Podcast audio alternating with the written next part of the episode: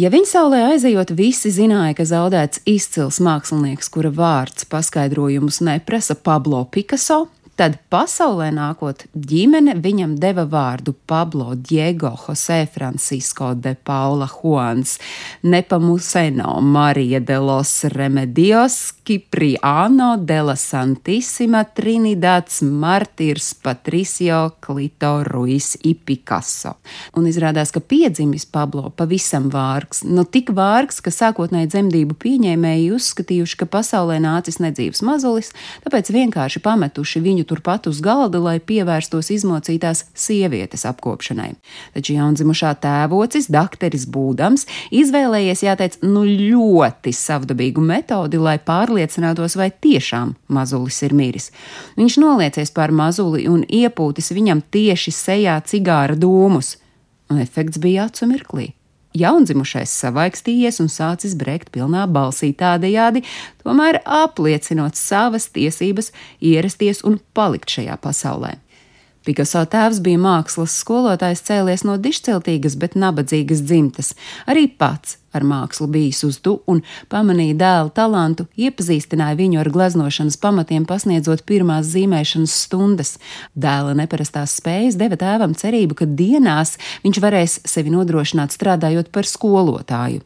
Un pavisam drīz tēvs saprata, ka dēla dotības ir kas vairāk par vienkārši labu mākslinieku vai mākslas pasniedzēju. Reiz ieraudzījis kārtējos dēla uzmetumus, iedevis viņam savu paleti, sakot: Vairāk es tev neko nevaru iemācīt.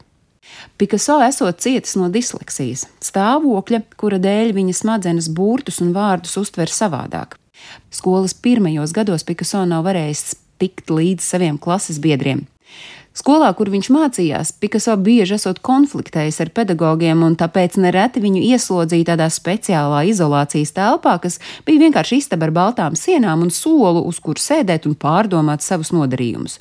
Tieši tur to vietu un to laiku to pašais mākslinieks esot izmantojis zīmēšanai, jo neviens nav novērsis viņu uzmanību, un pēc mākslinieka domām tas nebija sods, bet drīzāk ieguvums, jo viņš labprāt šo telpu nekad nebūtu atstājis. Pikaso savu pirmo eļļas gleznu uzgleznoja jau astoņu gadu vecumā, un no tās, starp citu, viņš nesot šķīries visu mūžu. Tikmēr bailes no nāves Pikaso esot pavadījušas teju visu mūžu.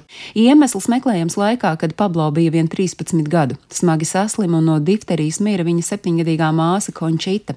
Tas bija trieciens visai ģimenei, kas nolēma pārcelties uz Barcelonu, un tur Pikaso patvērumu meklēja mākslā. Mākslinieka mūžs bija ražīgs. 1885 gleznas, 7089 zīmējumi, 30,000 estampu, 1222 skulptūras un 3222 keramikas izstrādājumi. Vēstīts, ka Pikaso savulaik izteicis dīvainu pareģojumu: kad es nomiršu, tas būs gluži kā kuģa katastrofa, kad grimst liels kuģis, cilvēkus kopā ar to iesūts dzelmē. 1972. gada 2. jūlijā Pikaso uzgleznoja vienu no saviem pēdējiem darbiem dzīvē - savu pašportretu, kuru laika biedri novērtēja skarbi un nesaudzīgi - absolūts sāpju un izmisuma šausmu kamols. Lai gan pats Pikaso esot teicis, ka te viņam beidzot izdevies kaut ko sasniegt. Katrā ziņā viņš tiešām centās strādāt līdz pat pēdējiem elpas vilcienam, un dažkārt strādājis gluži kā sendienās, līdz pat diviem pilnvērtīgiem darbiem vienā dienā. Pikaso nomira no sirds mazspējas 1973. gada 8. aprīlī 91 gada vecumā. Tas notika Muginsā, Francijā, vakariņojot ar draugiem. Presa nākamajā rītā ziņoja, ka 20. gadsimta mākslas titāns ir miris savā kalnu villā, kur viņš pēdējos gadus uzturējies dzīvojot diezgan noslēgtu dzīvi. 17 akru lielo īpašumu esot ieskāvušas dzeloņdrātis. Uz 35 istabas savrupmāju izsaukts vietējais ārsts, kurš apstiprinājis izcilā mākslinieka nāvi, norādot, ka Picasso jau vairākas nedēļas bijis slims. Nāvis brīdī ar Picasso kopā bija viņa sieva, 47 gadus vecā Žaklīna, ar kuru viņš bija apprecējies 1961. gadā.